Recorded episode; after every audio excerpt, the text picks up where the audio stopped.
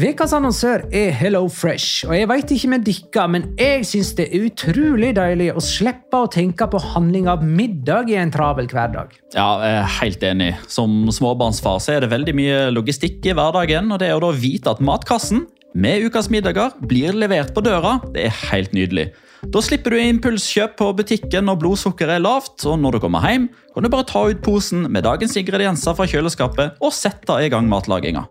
Ja, Du kan velge mellom 25 ulike retter hver uke. Og de har faktisk en egen kategori som heter Raskt og enkelt, med masse enkle og gode oppskrifter. Veldig greit å ikke måtte ty til takeaway hver gang det er hektisk på jobb. Jeg gleder meg spesielt til sterk chilikylling i min neste kasse. Jeg blir sulten bare av å tenke på det. Ja, Det er ikke feil med bacon og cheeseburger heller, da. Og det som også er bra, er at matkassen koster det samme hver uke, som gjør det enklere å holde matbudsjettet. Ja, og så blir det ikke matsvinn heller, fordi du får akkurat det du trenger til hver eneste rett. Hello Fresh kan absolutt anbefales, og bruker du koden vår, LIGALOCA, kan du få opptil 1779 kroner i rabatt på de fem første matkastene hvis du ikke har prøvd Hello Fresh tidligere. Du kan også prøve koden hvis du har avslutta abonnementet ditt for tolv måneder siden eller mer. Gå inn på hellofresh.no og bruk koden LIGALOCA. Bon appétit! Hallo? Jeg kommer fra Oslo politikammer. Ine Jansen er purk. Er du purk? The motherfucking bitch. Alt jeg vil, er å finne ut hva som skjedde med mannen min. Jon Carew. Er jeg sikta for noe? Iben Akeli. Det er du. Ole So, Lars Berrum og Big Daddy Karsten. Hvem sin side er du på, egentlig? Anette Hoff, Tone Danielsen, Kommer du fra Afrika? Jørnis Josef, Nesten. Kløfta. Trond Espen Seim. Det er synd å si det, men det var feil mann som døde. Purk. Premiere tirsdag på TV2 Play.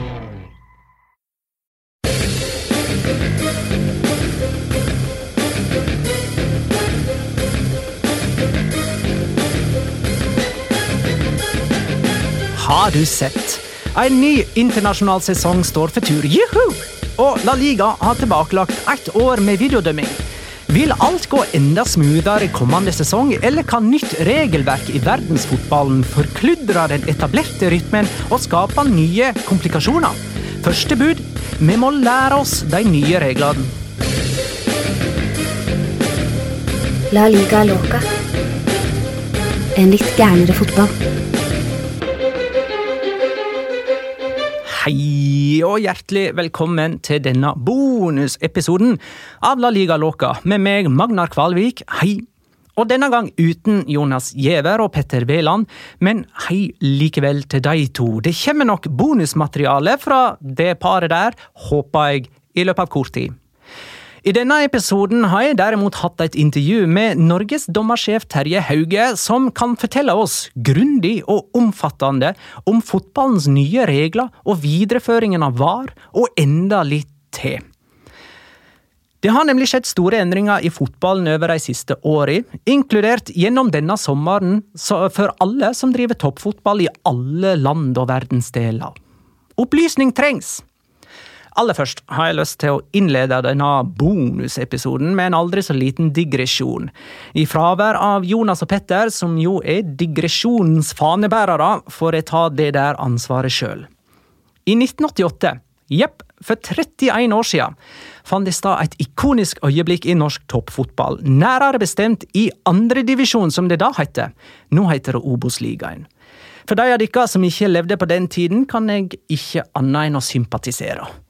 I siste serierunde kjempa Viking om opprykk til det som nå heter Eliteserien. De møtte Vard fra Haugesund, og på overtid trengte Viking fremdeles ett mål for å sikre seg det opprykket. En lang ball var spilt inn i bakrom, og Viking spiss Alf Kåre Tveit jaga den ballen for alt det var verdt. Men han nådde ikke fram i tide. Ballen gikk helt inn til Vard sin keeper, som plukka opp ballen innenfor egen 16 meter. Og der sto han med ballen i hendene og så Alf Kåre Tveit, som hadde sprunget helt inntil han, i øynene. De sto faktisk slik i et par sekunder eller tre. Det Alf Kåre Tveit så gjorde, kunne ingen i verden ha forutsett på den tiden. Han hedda ballen ut av hendene på keeper, og fikk sånn brukbar kontroll på ballen hadde ikke det vært for at keeper, i harnisk, la begge armene rundt vikingspissen og kasta han i bakken. Hva gjorde dommer? Jo, han dømte straffe til Viking. Viking skåra på straffe, rykka opp, vant cupen året etter og Eliteserien to år etter det igjen. Rett etter denne kampen stilte dommeren opp i intervju med NRK og fortalte folket, dreiv folkeopplysning rett og slett, at det var lov for spillere å hedde ballen ut av keeperens hender, så lenge de ikke utsatte keeperen for fare eller var i fysisk kontakt med han. Dommeren var en 22-åring ved navn Terje Hauge. Han skulle senere bli en av landets beste dommere og dømme på øverste nivå i over 20 år, inkludert VM og Champions League-finale. Kanskje var han og Alf Kåre Tveit de eneste to personene på banen, eller hele stadion for den del, som visste om denne regelen akkurat denne kvelden. Vard-keeper visste det åpenbart ikke, journalister visste det ikke, og publikum skjønte ingenting. Moralen i den grad det er en moral her, er at det er en fordel å kunne reglene i fotball og å være opplyst om disse, og med alle regelendringer og den revolusjonen som fotballdømmingen går gjennom i disse tider, over hele verden, syns jeg det er på sin plass å ta en diskusjon om dette. Med folk som kan det bedre enn meg, for eksempel han som dømte straffe til Viking i 1988. Jeg har møtt Terje Hauge på Ullevål stadion i Sarpsborg-losjen. Det er helt tilfeldig at det ble akkurat den losjen. Det kunne ha vært Brann, Molde eller Rosenborg eller Bryne, men det ble Sarpsborg-losjen. Ja, Terje Hauge, hjertelig velkommen til La Liga Loca. Det er første gang i en spansk fotballpodkast. Ja, takk for det. Bare hyggelig å få være en del av dette programmet her. Så det blir spennende time, dette. Ja, eh, jeg tenkte vi skulle snakke med deg om de nye fotballreglene. Og jeg tenker aller først eh, så har jeg fått et sånn inntrykk av at det er ganske mange nye regler, og at det er en ganske stor ja, hva skal man si, et, et slags kvantesprang for videodømming eh, denne sommeren, ettersom Premier League også skal ta det inn, og at det har vært noen hendelser nå i sommer. Føler du sjøl at dette er en litt sånn spesiell overgang for fotballen og fotballens regelverk, det som skjer nå denne sommeren her?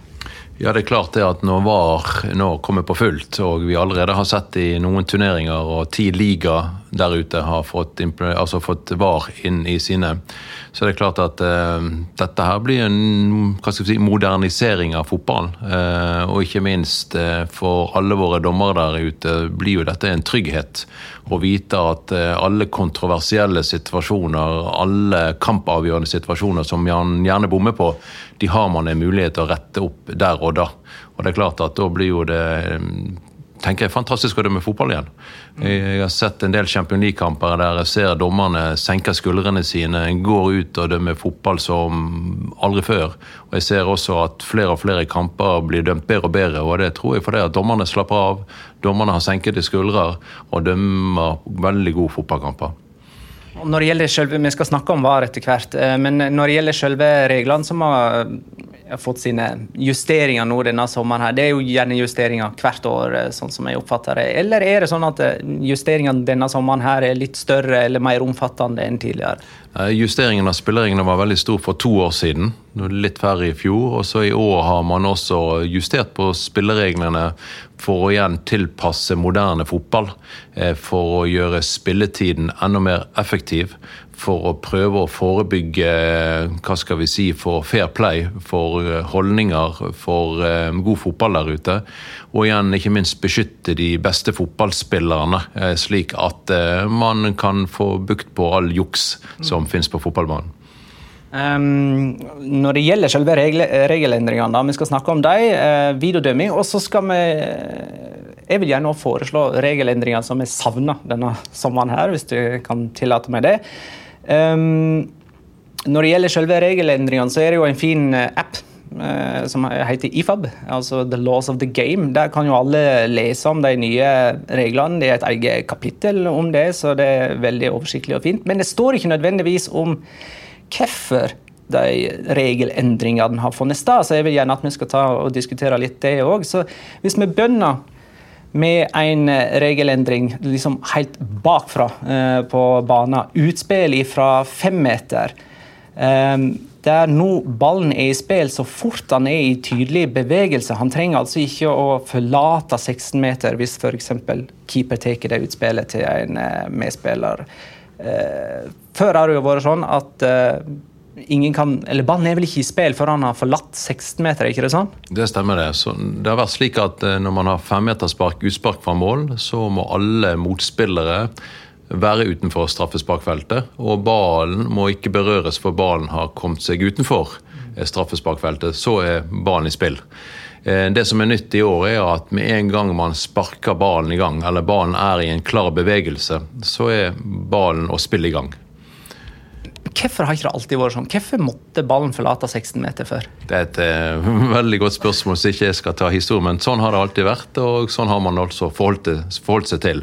Kanskje dette har litt med dette at man skal verne om eh, keeper, verne om dette og igangsette, og at eh, man ikke misforstår spillets igangsettelse. Eh, Man vil ha moderne fotball, og man vil ha raske igangsettinger, eh, effektiv spilletid. Så dette her tror jeg er et viktig tiltak for å komme raskt i gang, som sagt. Og Ja. Ja, Er det derfor eh, denne regelendringen finnes da, for å effektivisere fotballen? Ja, det er jeg ganske sikker på. Det er for å effektivisere fotball og spilletiden og tilpasse moderne fotball. Og eh, Vi ser jo det at eh, umiddelbart ballen har vært ute av spill, så er keeper flink til å finne banen og sette i gang spillet og ha små pasninger til medspillere i straffesparkfeltet, som før eh, måtte bruke mer tid til at spillerne måtte utenfor straffesparkfeltet. Eh, og igjen ble det til at angrepsspillerne kunne presse på forsvarsspillerne, og til igjen ble dette gjerne lange utspill.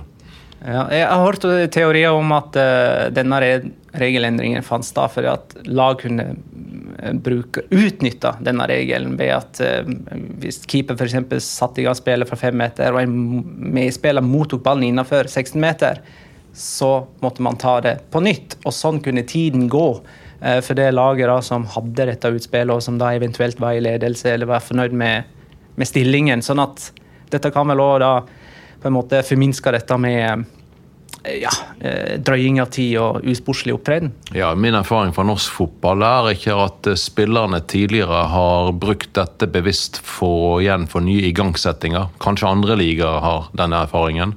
Men eh, som sagt, nå blir det i hvert fall eh, raske igangsettinger, eh, mer effektiv spilletid og tilpasset moderne fotball. Så jeg tror alle sammen eh, vil applaudere og synes det er helt greit at dette er kommet. Og så kan man stille spørsmål hvorfor ikke dette kom før. Ja, eh, og for spansk fotball spesielt, tenker jeg da, er dette veldig interessant. For der er det mange lag som insisterer på å spille seg ut bakfra ved utspill fra fem meter. Og det er omtrent like mange lag som insisterer på å presse høyt eh, ved sånne utspill. Så dette vil jo kanskje være den regelen som påvirker spillet aller mest rent taktisk. Jeg vet ikke om du har noen innspill på det?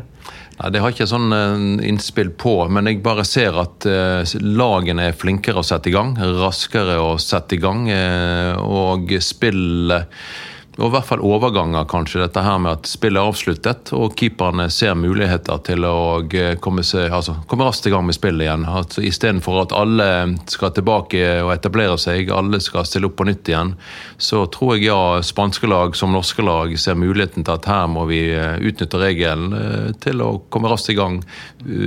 Finne overganger og gjerne skape to-til-én-situasjoner, og kanskje på den måten komme raskere i angrep. Eh, Bare for å avslutte det om denne regelen. Eh, Motstandere må vel eh, holde seg utenfor 16 meter inntil ballen er spilt. Ikke nødvendigvis. I spillereglene så heter det sånn at motstanderne skal utenfor straffesparkfeltet. Men hvis det skulle være motspillere inne i straffesparkfeltet, så kan ennå man sette i gang. Men de skal ikke presse ballfører, og hvis de presser ballfører, så settes spillet i gang på nytt. Eh, Det vi har sett en presisering på, er at eh, noen tilfeller så eh, er det keeper som vipper ballen opp til sin egen spiller. Eh, Hva skal vi si, Forsvarsspilleren bryster han eller header han tilbake til keeper, og keeper kaster langt ut. Ja. Det har vi fått en presisering på at hvis det er at keeper vipper ballen opp, så skal dette igangsettes nytt med at det skal være et spark på banen, og ikke en eh, teknisk vipp på ballen. Riktig. Ja, men Da kan vi gå videre til en, eh, en eh, regel som òg tror har med dette med ja, rett og slett fair play og effektivisering av eh, spilletid å gjøre, nemlig at eh, spillere som blir bytta ut, skal gå ut ved nærmeste punkt. Stemmer det? Det stemmer, ja. At, eh, akkurat det samme. Vi ser jo um, historisk at um, spillere som skal ut, drøyer tiden. Og eh, vi tror også at det har vært taktiske bytter. At vi bytter når spillet er på den andre side, slik at eh, spillere har en større vei å gå eh, til det tekniske området. Og er klart dette skaper frustrasjoner hos eh, motstanderlaget, som gjerne løper til spilleren som skal ut og drar i han.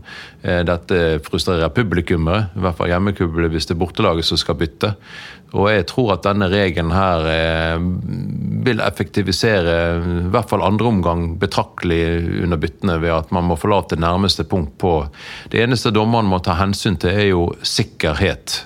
I den forstand at eh, hvis eh, spilleren skal gå ut på motsatt side og gå bak mål med motstanderne sine publikummere, så eh, kan dette gå på spillerens sikkerhet i forhold til at ting kastes eller andre ting skjer. Så dommeren har sin rett til å vise da spilleren ut den veien eh, til midtbanen, at man må gå til midtbanen som før. Det kan fort skje at uh, noen misforstår denne regelen med vilje, og at trenger, denne regelen trenger litt tid på innføring, kanskje. Jeg, jeg mener å lese lest en plass at uh, regelen om at spillere skulle byttes ut, eller gå av banen ved spillertunnelen, den, den, ble innført etter at Cantona hadde sitt kung fu-spark mot en Palace-supporter i 95, eller noe sånt. Kanskje, kanskje jeg er feilinformert der, men det går jo på sikkerheten av spillere, og det var jo du inne på her. Ja, og Sikkerhet på spillerne er veldig viktig. Som jeg nevnte, at de da går av teknisk område som før, hvis dommeren finner ut at her er det betent, her, er det, her må vi ta hensyn til spillernes sikkerhet eller at eh, det har vært skade og eh, vi må ta hensyn til eh, de som skal ta spillerne av. At vi går bort til teknisk område, enten man blir båret av eller, eller, går av selv. egen. Så igjen, skade og sikkerhet er et hensyn tas. Men igjen, ni av ti innbytte vil være at spilleren går av til på nærmeste punkt. Og igjen, mer effektiv spilletid.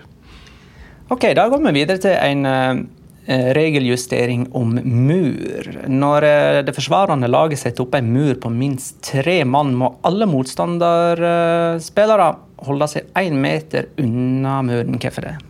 Dette har han vel litt med for å forebygge eh, for bråk, for temperatur, for provokasjoner, for slag, for uheldige episoder som vi har sett en del av at eh, motstanderne skal inn i muren og inn i muren og dytte inn i muren for å skape en åpning. Eh, dette her har vi eksempler på har ført til eh, eskalering av eh, høyere temperatur, eskalering av dytting, eskalering av kanskje slag. Og eh, Det er rett og slett at fotballen forebygger for, for dette her. At ikke man skaper konfrontasjoner eller provokasjoner og uheldige episoder. Derfor må spillerne stille seg opp én meter unna muren. Men dette gjelder kun når det er tre stykker i muren, eller flere. Så er det én eller to som står og skal eh, være en mur, for å si det slik, så kan man stille seg opp ved siden av. Hva blir følgende hvis uh, en på motstanderlaget stiller seg i en mur bestående av tre eller flere uh, av de forsvarende? Altså, Dommeren vil jo ta vekk denne spilleren, og hvis man ikke hører på spilleren og går tilbake, så ser vi dette som en usportslig opptreden og uh, gult eh, kort, og det vil være et indirekte frispark eh, hvis da den andre frisparket er tatt. Riktig. Da går vi videre til neste regel, og det um, Her kan du hjelpe meg med tolkingen, uh, tror jeg. Uh, det, det, har med gule og røde kort å gjøre, og bruk av fordel samtidig. Dommer, sånn som jeg forstår det, dommer kan vente med å dele ut gult eller rødt kort til en hvem som kaller det, en som har begått et regelbrudd. Hvis laget som fikk frisparket, tar dette kjapt og får en opplagt målsjanse av det. Forstår dere det rett? Det, ja, du beskriver og leser helt rett her. Dette må jo være situasjoner der en spiller, en angrepsspiller, er på vei mot mål. Mm. Mer eller mindre alene. Og så blir han felt.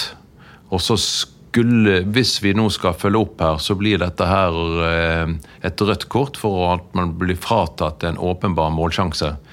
Men så eh, angrepsspilleren, han ser muligheten, ligger ballen veldig fort på plass. Dvs. Si, Ballen ligger rolig, stille. Igangsetter spillet veldig fort. Og da kan dommeren benytte anledningen til at eh, ballen var på rett plass, ballen lå i ro. Eh, de satte i gang spillet veldig fort. Vi venter med det disiplinære med å utdele kort når angrepet er ferdig. Så dommeren kan tillate et rask igangsetting hvis eh, disse elementene er på plass, som jeg nevner her. Før, eh, før var det slik at skal man opp med gule kort og røde kort, så kan ikke spillet igangsettes. Og det er liksom eh, forståelse for fotball og folks forventning og forståelse. Så er det klart at um, dette her er jo igjen for å ikke frata den åpenbare muligheten som dette laget har, da, med at de kan sette raskt i gang igjen. Eh, og det som da byr på problem i mitt hode, det er ved tilfelle rødt kort. Altså hvis eh, du har en rødt kort-forseelse, men frisparket blir tatt kjapt, eh, og så blir det på et eller annet vis stopp i spillet, kommer det røde kortet da for den tidligere forseelsen ved neste stopp i spillet? Nei, hvis, man får et, hvis dommeren mener at man fikk sette raskt i gang igjen og fikk en tilsvarende sjanse videre, så skal man tilbake og følge opp med gult kort til denne spilleren her. Selv om det ikke blir mål i den påfølgende situasjonen? Ja, selv om det ikke blir mål, så får man en mulighet til å eh, Altså, man får sjansen. Mm. Og da eh, går man tilbake og gir gult kort. Eh, det kan hende at eh, det var en takling her. Mm. Og hvis taklingen kvalifiserer seg til rødt kort, så skal man selvfølgelig tilbake igjen og gi rødt kort. Vi snakker kun om eh, kanskje holdning, en liten takling, som eh, gjør at man fratar en åpenbar målsjanse, men man setter spillet så fort i gang igjen at sjansen går videre. Og da kan man tilbake, gå tilbake igjen og eh, gi gult kort, men eh, man får muligheter. Ok, jeg trenger bare en presisering. Hvis det skjer en, en takling som er så stygg at den i seg selv kvalifiserer til rødt kort, men så tar laget som fikk frisparket det er såpass kjapt og får en såpass stor mulighet av det, kan man da vente med det røde kortet og så gi rødt kort etter at sjansen er over? Ja, dom, altså, er, Vi snakker om unntak. Hvis jeg skal gi råd til mine dommere, så stopper vi kampen og gir det røde kortet.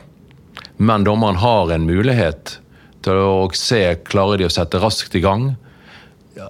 Spilleren kommer alene mot keeper nok en gang. Ok, jeg ventet til han har avsluttet angrepet og går tilbake og gir rødt kort hvis taklingen var et alvorlig brudd på spillereglene. Altså taklingen i seg sjøl er kvalifisert til rødt kort.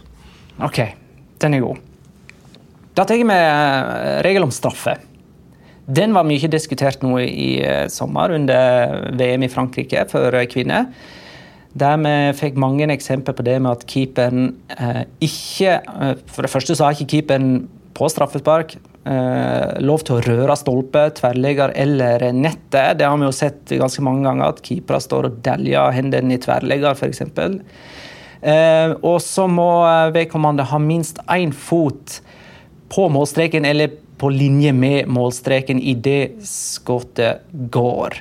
Um, denne fikk mye diskusjon eh, rundt eh, det nevnte VM, mye pga. at VAR involverte seg. Men selve regelen, for å ta det først Hvordan var egentlig regelen for keeper før denne regelen? Før var det slik at uh, keeperne måtte ha begge beina på linjen. Man kunne bevege seg sidelengs, men ingen av beina, føttene, fikk forlate linjen før ballen var i gang eller skutt. Eh, I praksis så var det alltid slik at eh, en fot forlot alltid eh, linjen. Og Slik var vi også opplært, og slik har vi instruert våre dommere, at vi skal tillate at én fot forlater linjen, men hvis begge beina forlater linjen, så må vi ta det på nytt igjen. Det er for at vi skulle ha noe å se etter og ha noe helt målbart når frisparket, dvs. Si straffesparket, måtte tas på nytt ved at keeper går for tidlig. Ehm, sånn at det kan nesten si sånn at spillereglene er tilpasset den praktiske dommeren alltid har hatt. Så det er jo ikke noe nytt for dommerne, men nå er mer regelen tilpasset slik det alltid har vært praktisert. Nemlig, for eh, det, jeg fikk et inntrykk gjennom media nå i sommer at eh, folk opplevde denne regelen som strengere enn eh, de mulighetene keeperen hadde før. Men egentlig så åpna jo denne regelen om for keeperen har mer bevegelsesfrihet. Selvfølgelig. Det, nå har man mulighet til å være, jobbe sidelengs, men samtidig kan man forlate den ene foten. Fot to kan også forlate bakken, men må være i flukt med linjen idet ballen skuddet går. Dette er jo veldig målbart når man har VAR. Det er jo bare til å stoppe bildet, og så, ja, han var i flukt. Nei, han var ikke i flukt. Straffe må på nytt igjen. Men det er klart, når du har det blotte øyet, øyet som skal se, så er det dommerens oppfattelse. Og da må du være helt sikker på at foten har forlatt linjen og ballen blir skutt. Og Dette blir alltid litt vanskeligere når man skal stå alene, få se det én gang, og være helt sikker på at man har riktige avgjørelser når man skal ta nye straffespark. Og så gjelder det dette med å overholde denne regelen. her, for Som du er inne på, så har jo dette egentlig vært en, en praktisering av en regel som egentlig ikke har stått i regelboken, fordi at keeperne skulle ha begge føtter på, på streken, mens dommere har gitt keeperen mer frihet. Vil dommere nå, tror du, være mer bastante på denne regelen her, og ikke la keeper få ta begge føtter ut, som vi har sett mange ganger eh, ja, i moderne tid? Altså Reglene er jo tilpasset eh, slik vi alltid har praktisert det. Så vi må jo bare utfordre alle våre dommere til at nå er reglene tilpasset. Og når begge beina har forlatt linjen og vi er helt sikre på det, så eh, er det enda mer målbart. Og vi tar straffesparket på nytt igjen. Eh, og så tenker jeg Her kommer denne videodømmingen inn. For folk i sommerens VM da, så seg leie på at videodommere skulle pirke på om keeperen hadde den siste foten en centimeter utenfor linja, og derfor ble straffet tatt på nytt, sjøl om det opprinnelige straffesparket ble sendt utafor. At keeperen ikke hadde redda i, i utgangspunktet. Og så forstår jeg det sånn at Premier League Nå har jeg bare media å forholde meg til her, så det kan hende at både journalisters tolkninger og mine egne er feil, men jeg forstår det sånn at i Premier League så skal ikke videodommere bryte inn på akkurat de situasjonene der. Hvordan skal vi forholde oss til det? Jeg kan ikke svare på vegne av Premier League og hva som er sagt der, men det som er veldig klart, er jo at man har en protokoll, VAR-protokoll, som forteller når VAR skal gripe inn. Og det er klart at alt som er målbart, skal VAR gripe inn på i forhold til er det mål, ikke mål, er barn over linjen, ikke over linjen. Eh, fellinger, dvs. Si straffespark innenfor eller utenfor, er veldig målbart. Offside er veldig målbart, og da blir jo også keeper på linjen veldig målbart. Så klart, så lenge vi har bilder som forteller at man ikke er på linje, så skal etter min mening straffesparket tas på nytt igjen. Ja, Sånn som jeg forsto det under kvinne-VM, så ble det endra protokoll underveis i VM. altså at eh, Fra kvartfinale og ut så skulle ikke videodommere blande seg inn i akkurat den keepers bevegelse på strek, men at dommerne skulle se det med egne øyne. Husker jeg det feil òg? Det, det, vet jeg faktisk ikke, for å være helt ærlig med deg. Nei, Den er grei, den. Eh, nei, men eh, Da har vi i alle fall fått skissert den regelen. Og altså, konklusjonen herfra Friheten til keeperen er nå større på straffe enn det han var før, i alle fall på papiret. Og så har vi regel om eh, dropp.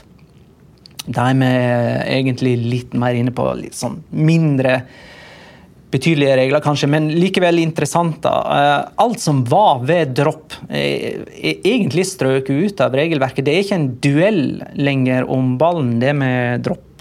Nei, når det, må, når det, stopper, når det stopper spillet av forskjellige grunner, og skal igangsette spillet med dropp, så er det sånn at ballen skal droppes til det laget som hadde ballen. Skjer dette inn i straffesparkfeltet, så skal ballen droppes til keeper. Og er det stopp i spillet ute på banen, så droppes det til det laget som sist hadde ballen. Og så er det slik at alle spillerne motspillere må være fire meter unna. Før var det gjerne slik at man måtte stille seg opp eh, mann mot mann, eh, dame mot mann, dame mot dame, og, og eh, droppe ballene.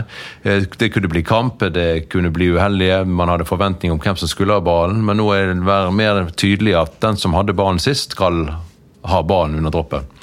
Ja, og hvorfor har det blitt sånn? Ja, det, det, er for å gjøre dette klarere, og gjerne også faktisk tilpasse slik vi har håndtert det ute. Og slik dommerne har håndtert det ute, så er det mer sånn at reglene tilpasses slik det praktiseres, tror jeg, da. Ja, for det, det der har jeg oppfatta som en slags uh, misforstått gentleman's agreement. At når det er dropp, så er på en måte begge lag enige om hvem som hadde ballen. Eh, og så Som en slags gentleman's agreement skal det andre laget få ballen og spille den tilbake igjen til det laget som hadde ballen. Og sende den da gjerne helt tilbake til motsatt side av, eh, av banen. Noe som på en måte gjør at fordelen til det laget som hadde ballen, forsvinner. Ja, det, nå er det så hvert fall sånn at det laget som hadde ballen, skal ha droppen, og de andre må være fire meter unna. slik at eh, jeg tror at de nye reglene vedrørende tropp er liksom at de er tilpasset moderne fotball, og de er tilpasset slik det skal og ønsket skal være praktiseres. Eh, en annen ting når det gjelder dropp, er at hvis ballen treffer dommeren, så er det slik at eh, før var det slik at dommeren var en del av spillet. Så hvis ballen traff dommeren, så kunne det faktisk bli mål. Og det har vi faktisk sett ikke mange, men få eksempler på. At skudd mot mål treffer dommeren, går i mål, så skal faktisk målet godkjennes tidligere.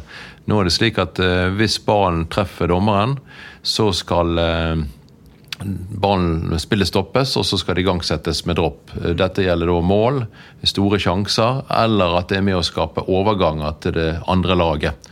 Hvis, det, hvis ballen går via dommeren, men det samme laget beholder ballen, så spiller vi videre. Men hvis vi skaper store overganger og målsjanser, så skal vi stoppe og droppe ballen. Så ved store, viktige situasjoner så, så eh, blir det stopp i spillet hvis dommeren er borti ballen og påvirker spillet. Eh, den er ganske ny og eh, er verdt å være oppmerksom på. Hva var det som skulle skje dersom det skulle oppstå en dropp innenfor 16 meter? Bare for å ta det òg. Jeg har forstått det sånn at eh, hvis det, ballen er innenfor 16 meter og det skal være en dropp, så går ballen til det forsvarende laget. For det, Du kan jo ikke droppe ballen til laget som var i angrep innenfor 16 meter. kan du det? Altså, jeg, jeg, tror det er veldig få ganger at spillet blir avblåst inn i straffesparket til fordel det angripende laget. Det må jo være at det kommer gjenstander ut, baller ut. altså Det kommer noe på banen som gjør at vi må bare og da blir nok eh, ballen droppet til det angripende laget utenfor straffesparkfeltet. Og så blir eh, ballen droppet til keeper hvis det er det forsvarende laget som har ballen inne i straffesparkfeltet. Ok. Så Det er i hvert fall det laget som hadde ballen, som skal ha ballen ved dropp. Med, med motstanderne fire meter unna. Ja. Uh, jeg mener jeg så en presisering om hvis det skjedde innenfor 16 meter. for Da, da virker det jo litt spesielt hvis det angripende laget får ballen med alle motstandere minst fire meter unna. Det blir jo en litt spesiell situasjon. Så jeg forsto det sånn at eh, det ble løst alternativt. da. Eh, nå nevnte du dette med regelen om at do, når dommer kommer borti ballen og påvirker det, så da hopper jeg til en eh, liten justering av tilbakespillsregelen. Om keeper mottar ballen fra medspiller og fomler eller sleiver i et forsøk på å klarere eller å spille ballen eh, ut, så kan man ta ballen med hendene selv om ingen andre har vært borti. Ja, hvis, det, hvis det keeper gjør et ærlig forsøk på å klarere ballen ut, får tilbakespill, eh, skal klarere ballen ut, men sleiver ballen går opp i luften, og plutselig så lander ballen kanskje lenger bak eller rundt mål. Det kan være vinden som tar ballen tilbake til keeper, så, kan, eh, så, ser vi dette som en ny situasjon, og keeper kan eh, ta ballen med, med armene sine. For sånn har ikke det vært før?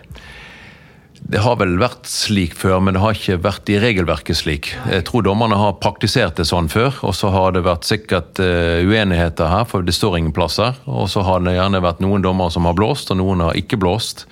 Men i og med at dette er kommet inn i regelverket, så er dette nå uh, i hvert fall en felles forståelse for hvordan man skal håndtere denne type situasjoner.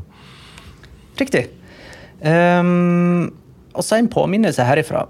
Uh, Sekssekundersregelen gjelder fortsatt. Uh, Keepere har bare lov til å holde ballen i seks sekunder, i alle fall på papiret. Ja, Jeg håpet ikke du skulle komme innom denne regelen her. Uh, dette er tydeligvis en regel Vi har kalt dette en sovende regel, for å være helt ærlig.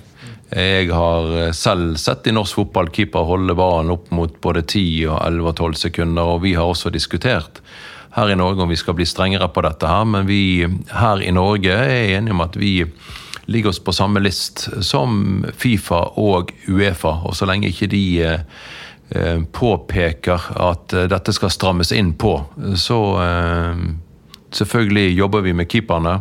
Og vi prøver å forebygge, og gir alltid keeperne gjerne en sjanse på akkurat dette med sekssekundersregel. sekunders regel. Mm. Thomas Myhre mener vel at han fortsatt er den eneste i verden som har blitt straffa for å holde ballen i mer enn eh, seks sekunder. Det var for øvrig i EM 2000 at han fikk et frispark imot seg innenfor egen 16 meter der, indirekte. Uh, en siste siste regel er, som uh, Før vi går på hens og alt det der, er jo at det, det gult kort og rødt kort kan deles ut til trenere. Sånn som jeg forstår det, så er det for å forenkle oppgaven litt for uh, dommere. Ja, Dette her tror jeg blir eh, litt lettere for alle parter. Jeg tror det er lettere for dommere, og jeg tror det blir lettere for trenere og publikummer å vite hva er det dommerne formidler eh, utpå her. Fremdeles så kan eh, dommerne gi tilsnakk eh, når gjerne trenere på benken eh, gjentatte ganger går utenfor det tekniske området, så er ikke dette så alvorlig at det skal komme gule kort og røde kort, men vil få tilsnakk at man må forholde seg til retningslinjene og være innenfor det tekniske området. Hvis man f.eks. Hva skal vi si, eh, protesterer med ord og handling inn i teknisk område. Man er litt mer, står inne i teknisk område og roper og skriker og er uenig, så er det her litt mer alvorlig. Og da eh, kan dommer komme bort og gi gult kort til treneren. Hvis eh, treneren eller en spilleren eller lagleder som på benken kommer løpende til fjerde dommer, eller kommer løpende mot til motstander sitt tekniske område, eller kanskje litt inn på banen, og igjen gestikulere og igjen er veldig uenig, så er det rødt kort, og man må opp på tribunen. Så uh, IFAB har laget mange knagger for hva er tilsnakk, uh, gult kort og rødt kort, som man finner også på IFAB sine, sine lister. Dette her tror jeg vil uh, hjelpe dommerne til å være rettferdig, være konsekvent, og at alle trenerne blir håndtert likt. I dag er det vel gjerne slik at det kan være ulik oppfattelse. Fra én kamp så får man ikke tilsnakk, til neste kamp får man tilsnakk, til neste kamp får man tilsnakk, og så får man Så mm, i dag er det kanskje Hva skal vi si uh, Ulik håndtering til samme situasjon for noen trenere. Men med gule kort og røde kort blir det lettere for alle sammen å håndtere dette. Og igjen treneren å forholde seg til det. En liten ting også når du spør om teknisk område, er at hvis vi ikke klarer å identifisere mm. den personen som kastet en ball ut på banen, f.eks., mm. og forstyrrer spillet her ute Vi ser ballen komme fra bortelagets tekniske område, men vi klarer ikke å identifisere hvem sparket ballen ut. Så er det hovedtreneren som må stå ansvar for denne handlingen her, og må ta konsekvenser for det.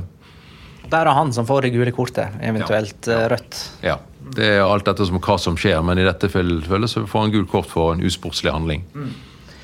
Ja, ellers så har jeg jo notert meg ting som at uh, fra nå av så kan en spiller uh, ta straffe, selv om han har fått behandling i mellomtiden, altså fra straffesparket har blitt gitt og til straffesparket blitt tatt. Altså, uh, før så kunne vel ikke en spiller komme inn igjen på banen etter behandling før var, ballen var satt i gang igjen.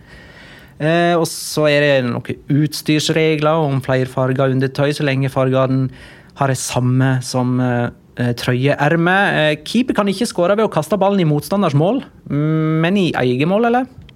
Nei, altså En kan kaste i eget mål når ballen er i spill, eh, men eh, kaste i motstanderens mål, så blir det ja, uspark på mål og ikke godkjent mål. Men så hvis han tar en Bjarte Flem og kaster han i egen mål, så er det skåring. Ja, hvis, det, hvis ballen er i spill, så ja. er det fullt mulighet til det. Mm. Og så ser jeg at en, en straffbar målfeiring blir straffa selv om målet er annullert. Eh, det trodde jeg faktisk var en regel som eksisterte fra før. Jeg vet ikke hvorfor eh, man ikke ble straffa for det ved at skåringa ble annullert? Jeg tror dette har vært straffet fra før, men så har man gjerne ikke hatt dette forankret i spillereglene. Og så har det vært håndtert litt ulikt, og man finner ikke dette i spillereglene. Så dette er vel noe for at man tilpasser reglene etter hvordan det har vært håndtert. Riktig. Da eh, tror jeg vi skal snakke litt om hens. Eh, for ja, må, noen må ta uh, den diskusjonen.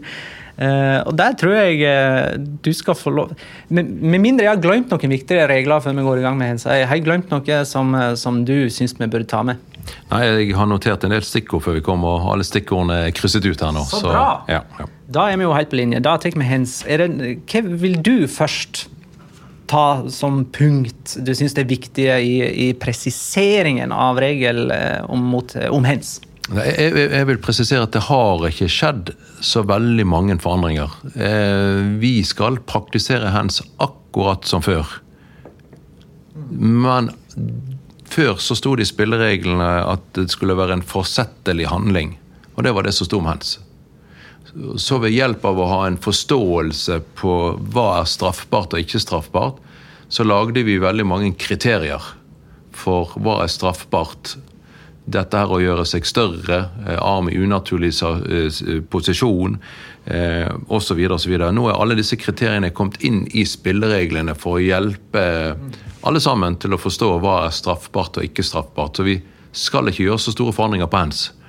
Det som er helt nytt på hands, som ikke har stått der før, er at hvis man scorer med hjelp av armen, så skal målet ikke godkjennes, selv om det ikke er straffbart. Var vi med på tanken? Ja, Selv om det er uintensjonelt og tilfeldig at en ball treffer armen. Hvis eh, armen er eh, naturlig langs, armen, nei, langs kroppen sin, og det er ballen som treffer armen Dette er ikke en straffbar hands i seg sjøl. Men likevel var, armen, nei, var ballen via armen og i mål, så skal målet ikke godkjennes. Da skal dette annulleres. Hvis eh, ballen treffer armen, og så ligger ballen til rette, og så skyter man mot mål, får en stor sjanse, eller skårer mål, så skal det også eh, avblåses for hands. Så det som er kommet inn og spesifisert, er at hvis man skårer ved, ved armen, eller at man eh, tilrettelegger eh, ved at ballen er i armen, som ikke hadde vært straffbart ute på banen, men likevel nå blir det mål, nå tilrettelegger man og skyter mål, så er dette straffbar hands. Og da er, det, da er jo det egentlig ganske greit å forholde seg til. Så lenge ballen har vært i armen, så er det hens. Hvis det blir mål, eller hvis man får kontroll på ballen med, på den måten. Eh, og da er jo det en, en, det vi kaller en objektiv vurdering. Sånn at eh, her er det jo bare for VAR å se på bildet, og så Riktig. sant? Sånn at eh, Når man skal vurdere hands, ikke hands, straffespark, ikke straffespark, så må man ha disse kriteriene på plass, som jeg har nevnt. Men skårer man mål ved armen, så trenger man ikke noe kriterier. For all skåring ved hjelp av armen, enten det er helt naturlig eh, posisjon av armen, det er ikke straffbart, men likevel skårer man med armen, så er det en objektiv vurdering. Ballen var i armen, det ble mål, det skal ikke godkjennes. Eller ballen var i armen, ballen ble tilrettelagt, skudd, mål. Det skal ikke godkjennes. Så det er en objektiv, eh, og igjen ved VAR kan vi fort finne ut av det.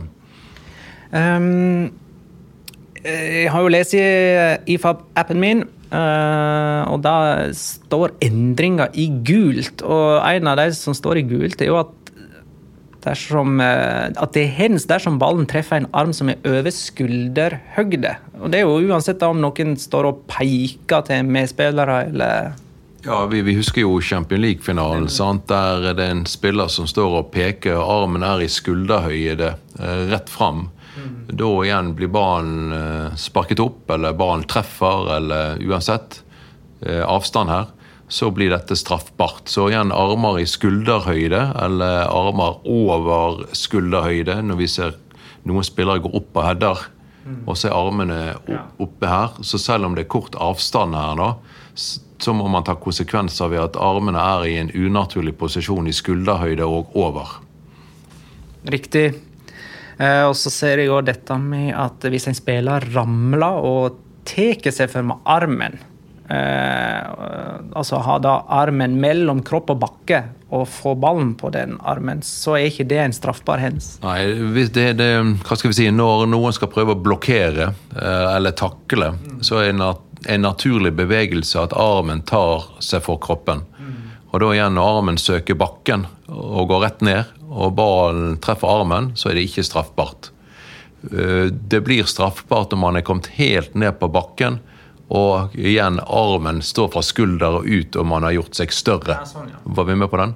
Så det kan skje at man faller, tar seg for, eh, og igjen ikke straffbart, men når man har falt helt ut, armen er kommet helt ut på bakken, da man må ta konsekvenser ved at armen er fra skulder og helt ut og har gjort seg større igjen. Så og igjen takler man, armen går ned, venstrearmen går ned, høyrearmen går opp. Sant? Så er det sånn at eh, armen som er ned mot bakken, der blir det ikke straffbar hands, men armen som er over kroppen, må man ta motsatt side, og opp mot luften, holdt på å si, så må man ta konsekvensen når ballen treffer armen her. Og gjort seg større. Dette er jo situasjoner som oppstår gjerne innenfor 16-meter, når eh, forsvarere skal blokkere. og vi så, Det var vel i Copa America-finalen at det var dømt en straffe for nettopp det med å støtte seg i det man går inn for å blokkere. og der eh, er det ganske brei konsensus om at det var feil å dømme straffe der, og så skjedde det likevel med videodømming. Så ja, eh, ikke alltid at det klaffer helt med videodømmingen heller. Vi kan ta litt mer om det etter hvert. Men syns du sjøl at hens-regelen har blitt tydeligere og enklere å håndtere med disse nye presiseringene? Ja, alle presiseringer og kriterier vi har brukt før i vårt dommermiljø, i fagmiljø, for å finne ut hva er straffbart og ikke straffbart, er nå kommet inn i spillereglene. Så da tror jeg det blir lettere for oss i forhold til at nå kan allmenne lese om det. Eh, allmenn blir kjent med det, eh, media blir kjent med det, og det er lettere å ha en felles forståelse for hva er straffbart og ikke straffbart. Før var det kun forsettlig handling, og da kunne dette fortolkes på forskjellige måter. Eh, mens nå er det beskrevet med kriterier som gjør ting at det er litt klarere. Og så kan vi helt sikkert være uenige om en del situasjoner som går litt på dommeren sjøl, som går akkurat inn i gråsoner her. Men det tror jeg vi må leve med når det gjelder både taklinger og når det gjelder hands. Ok, da eh, vil jeg nevne et par regler jeg, jeg savner presisering av i eh, det nye regelverket. Eh, og som eh, kanskje du kan bringe videre til neste Uefa-seminar, eller hvilket forum det nå måtte være. Eh, jeg eh, vil ha en presisering av at det skal være spillernes ansvar å komme seg ni meter unna ballen når motstanderen har fått frispark. Altså, Altfor ofte så står en spiller framfor ballen og hindrer motstanderen i å ta frispark. Og Hvis de tar det frisparket rett i denne spilleren, så kan han liksom unnskylde seg med at 'jeg sto jo bare her'. Men mitt poeng er at han har et ansvar om å komme seg vekk. Ja, og Det skal være regler for håndtering av dette, her, men kanskje vi ikke er tøffe nok til å gi gul kort til den spilleren som ikke kommer seg vekk ni meter. Så, eh, men igjen har dommeren en oppfattelse av at spillere søker frisparkstedet for å hindre en rask igangsetting, så skal det være gul kort. Det er ikke til å diskutere. Men hvis det har vært en duell, en takling, begge ligger nede nå, man reiser seg opp begge to, så må vi forstå at eh, det kan ta litt tid før forsvarsspilleren kommer seg ni meter vekk, og vi må jobbe litt mer med han. Og det er ikke naturlig å gi han gult kort med en gang. Ser du forskjell på dette?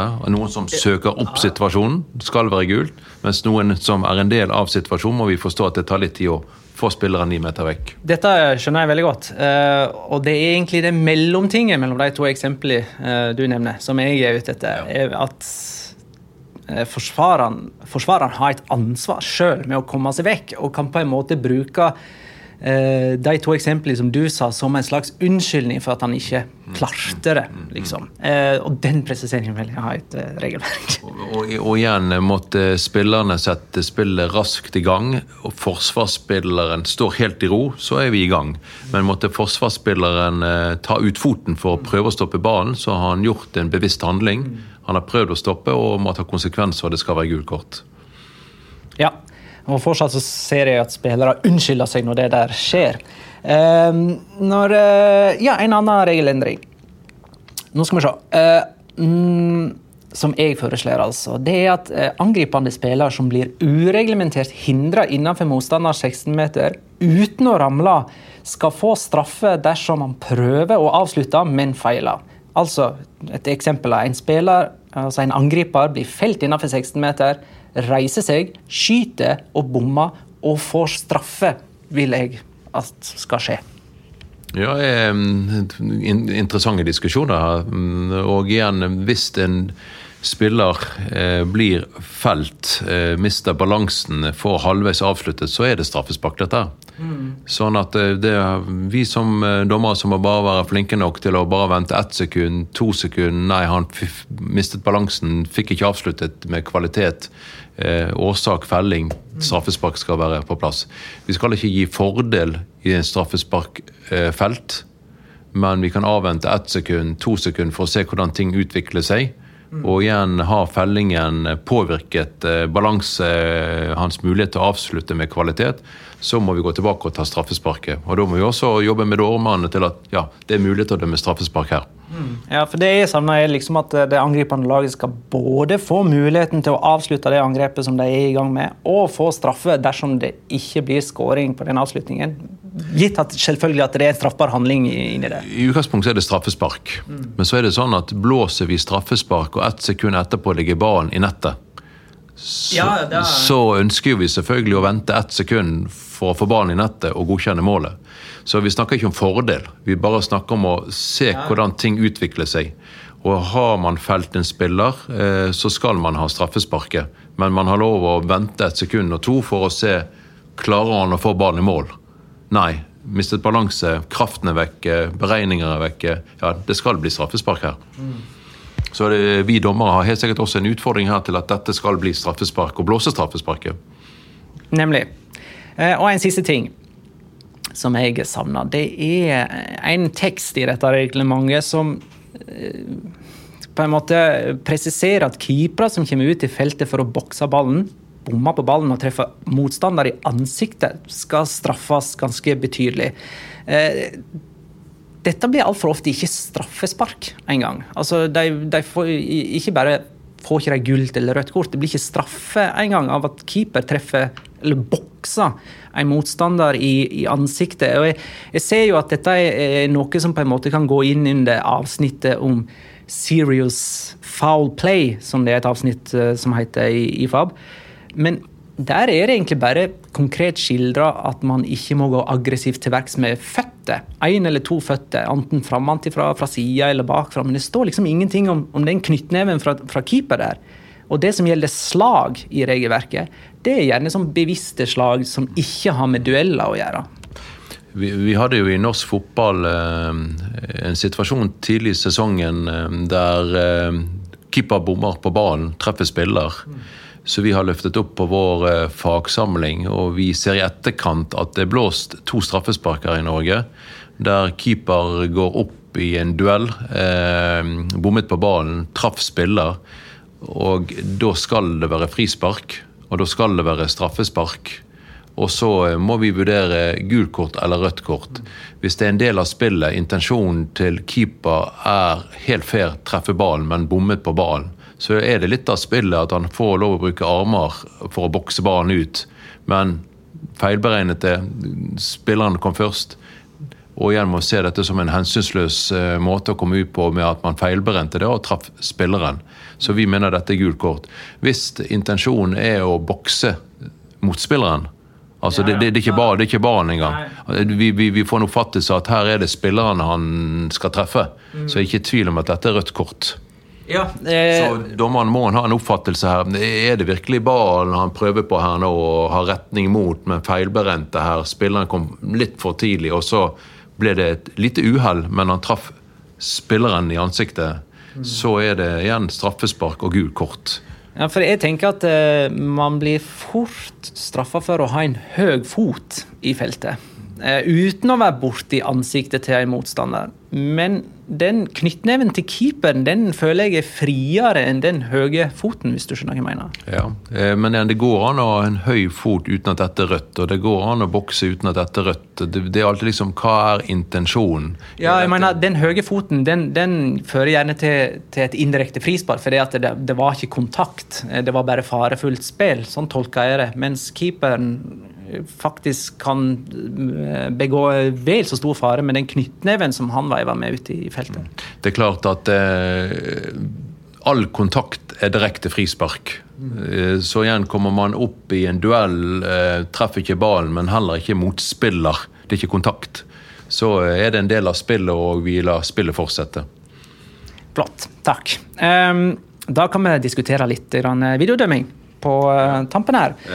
Ehm, jeg har sjøl vært for VAR siden før VAR, eh, og har lengt, tenkt at, eh, at dette kan ikke fungere optimalt i starten. For det, man trenger tilvenning og tilpasningsperioder for, eh, for en så stor endring i, i fotballen.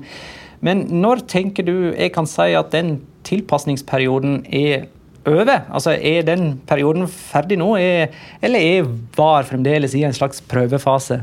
VAR er nok fremdeles i en prøvefase, men det er klart at eh, for hvert år eh, man får eh, rullet dette gjennom, Så, og, og jo mer erfaring dommerne har, og jo flere samlinger i forhold til erfaringsutveksling, jo klare guidelines er, og i forhold til hvor ligger lista, så blir man flinkere å håndtere det.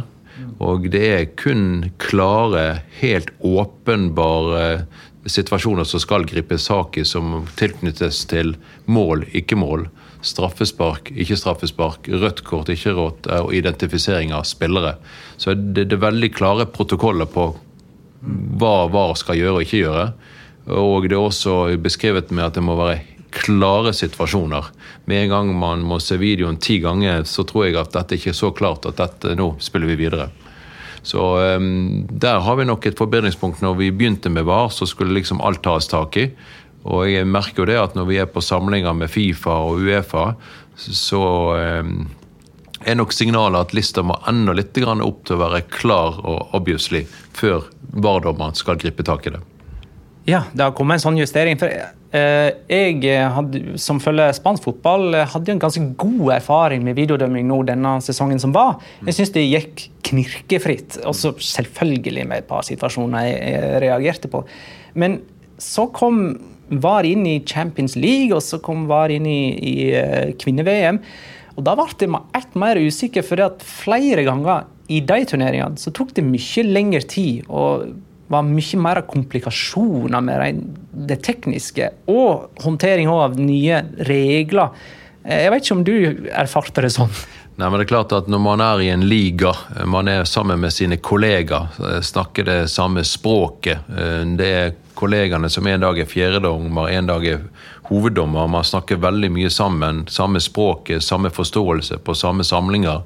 Så tar man nivået mye raskere som i La Liga. Men når vi skal til et VM, vi får representanter fra hele verden, og så skal man ha en par ukers kurs før man setter i gang med kampene, men har ikke praktisert ting sammen, så blir det alltid små fallgruver og eh, en del ting som man ikke skulle ta tak i. Og Champion League, eh, jeg må jo si at eh, etter, for hver kamp som gikk, så syns jeg dette gikk bedre og bedre. Og bedre. Og jeg ser også at Uefa oppnevner kun VAR-dommere fra ligaer som praktiserer og man også oppnevner rene team. altså Har man tyske dommere, så har man tyske varedommere. Italienske dommere, italienske varedommere. Og dette er jo for å ha en forståelse, en kommunikasjon som skal gå fort. Og igjen eh, kan forberede seg på en helt annen måte når man treffer kollegaene sine, enn når man treffer kollegaer som man ikke har sett på en stund. Betyr dette at en eliteserien må ha VAR inn i systemet for at norske dommere skal kunne dømme Champions League? Ja, det er faktisk slik. Jeg er ganske sikker på at skal vi få norske dommere tilbake til Champions League, og kanskje etter hvert Europa League, eh, for Europa League vil nok i løpet av et par år også bli implementert med VAR, så må vi ha VAR i den norske ligaen. Eller vi må utdanne norske dommere som har lisensen og kan være med på en del av arenaene der ute, uten at vi får veldig mange kamper. Ok, um, Jeg vil tilbake igjen litt til dette med clear and obvious. Uh, og litt om egentlig hvor hen grensa går der. For det, det, det virker jo som at um, hvis en videodommer ser på video at det er en hens her, da tenker han det er en klar, en, nei, en klar og tydelig eh, forseelse. Mens i virkeligheten og i real time så var det ingen som så den hendelsen. Altså, er det da en, en klar og, og, og, tydelig feil av dommer å ikke ha dømt for den hendelsen ved at man kan se det på en bestemt kameravinkel på video? Ja, eh, det er jeg ganske sikker på at får man rette vinkel, så vil man også kunne fort eh, konkludere at denne er klar og obviously. Så med en gang du har rett vinkel og bare sjekker den ut, så må dette spilles inn. Men har du forskjellige kameravinkler, eh, armen er ja, litt usikker på om den gjør kroppen større, en kort avstand altså det, det, er en del kriterier som kommer inn her og taler ting ned. Nei, dette er ikke så klart. Dette er ikke så ablusivt. Vi spiller ingenting inn. Dette fortsetter. Men er det klart og tydelig, så ja, spiller vi inn. Ja, for jeg tror jo det mange av motstanderne av videodømmen har reagert på i, i praksis. da, At de fikk liksom, de las dette skrivet om, om at dommere, eller videodommerne skal bare gripe inn ved, ved tydelige og opplagte feil.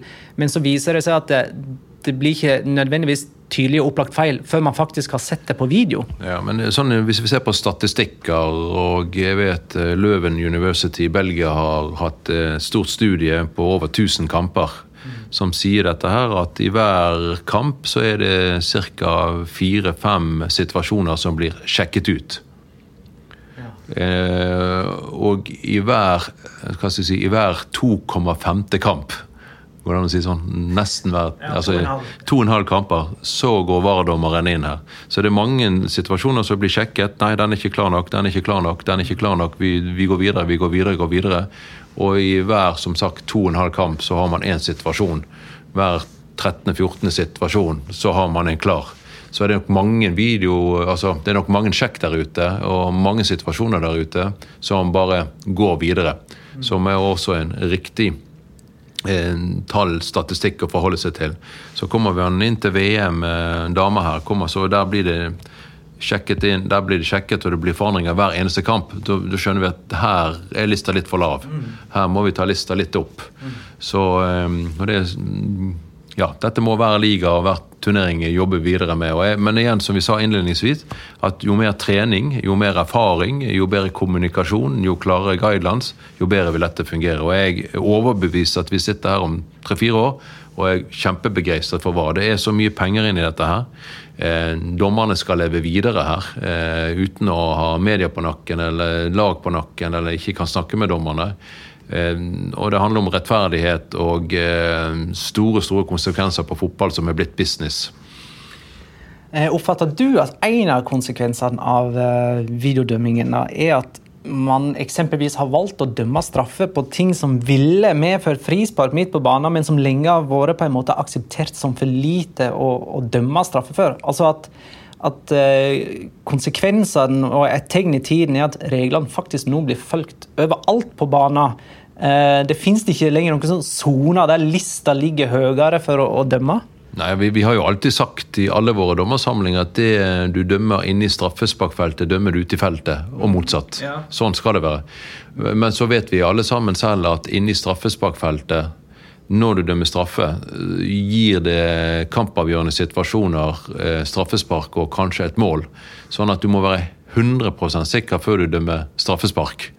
Men du vet at du har en fallskjerm med hjelp av VAR, at hvis du tok feiler, og denne var obviously, så har i hvert fall du muligheten til å stoppe ved første stopp og omgjøre avgjørelsen din. Og jeg ser jo det at dommere som dømmer Champion League, de prata med de forrige uke i Zagreb når vi var på samling. Alle sammen gleder seg til kamper på en litt annen måte. Eh, Skuldrene er litt mer senket. Eh, Man går ut og utfører det man er god på, det å dømme fotball. Jeg vet at eh, er det noen klare, åpenbare feil der ute, så blir det liksom kvalitetssikret og sjekket ut. Og når man er ferdig med kampen, så har man liksom vite at det er ikke noen eh, katastrofer eller store skandaler liggende igjen etter de. Det er plukket opp på veien. Og dette her er utrolig viktig når man skal være menneske og leve videre med det å være en fotballdommer. For å se litt utafor La Liga, når tror du videodømmingen er å se i Eliteserien? Det er et eh, veldig godt spørsmål. Eh, Vi jobber med det. Eh, Vi som fotballdommere har sagt at vi er klar til å utdanne oss. Eh, Så jeg håper jo at i løpet av eh, sesongen som kommer nå, 2020, så er vi i gang med å utdanne norske dommere. Eh, Både til det å gjøre oss klart når VAR kommer til norsk fotball, og dette her til at vi kan også ha norske dommere i internasjonal fotball som bruker VAR. Når det er klart her i ligaen det, det er nesten jeg er feil mann å svare på dette her. Så, men jeg håper jo at vi i løpet av 2020 er i gang med prosjekter. Dvs. Si at vi har prøvekamper, og at fra 2021 så er vi i gang om ikke med alle ligakampene i Eliteserien, men at vi har i hvert fall en tre-fire kamper og er i gang med et prosjekt og har et mål å få VAR inn i norsk fotball. Men jeg tror alle sammen ønsker seg VAR, og så handler dette om penger.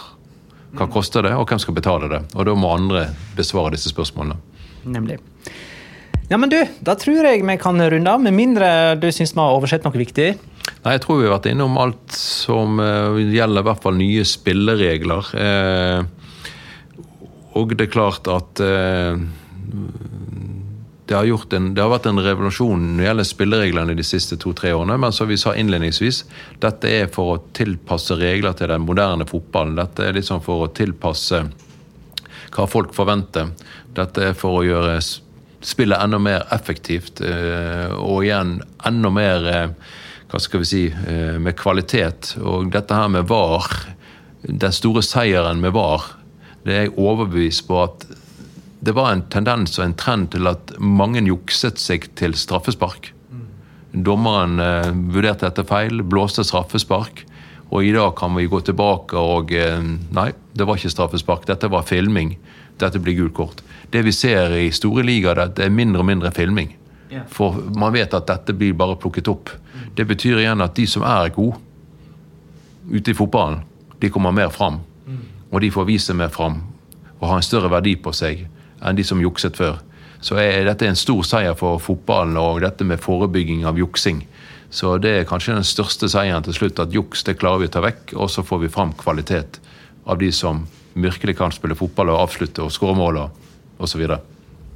Terje Hauge, tusen takk for at du stilte i La Liga Loca. Ja, takk for det. Ha en god sesong. Likeså.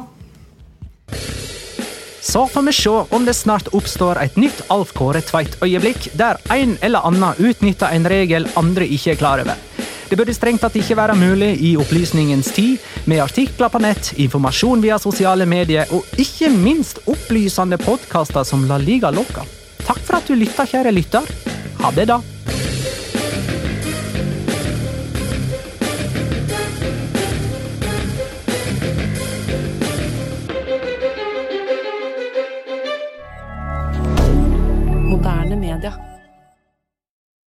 Har du et enkeltpersonforetak eller en liten bedrift? Da er du sikkert lei av å høre meg snakke om hvor enkelt det er med kvitteringer og bilag i fiken, så vi eh, gir oss her, vi. Fordi vi liker enkelt. Fiken superenkelt regnskap.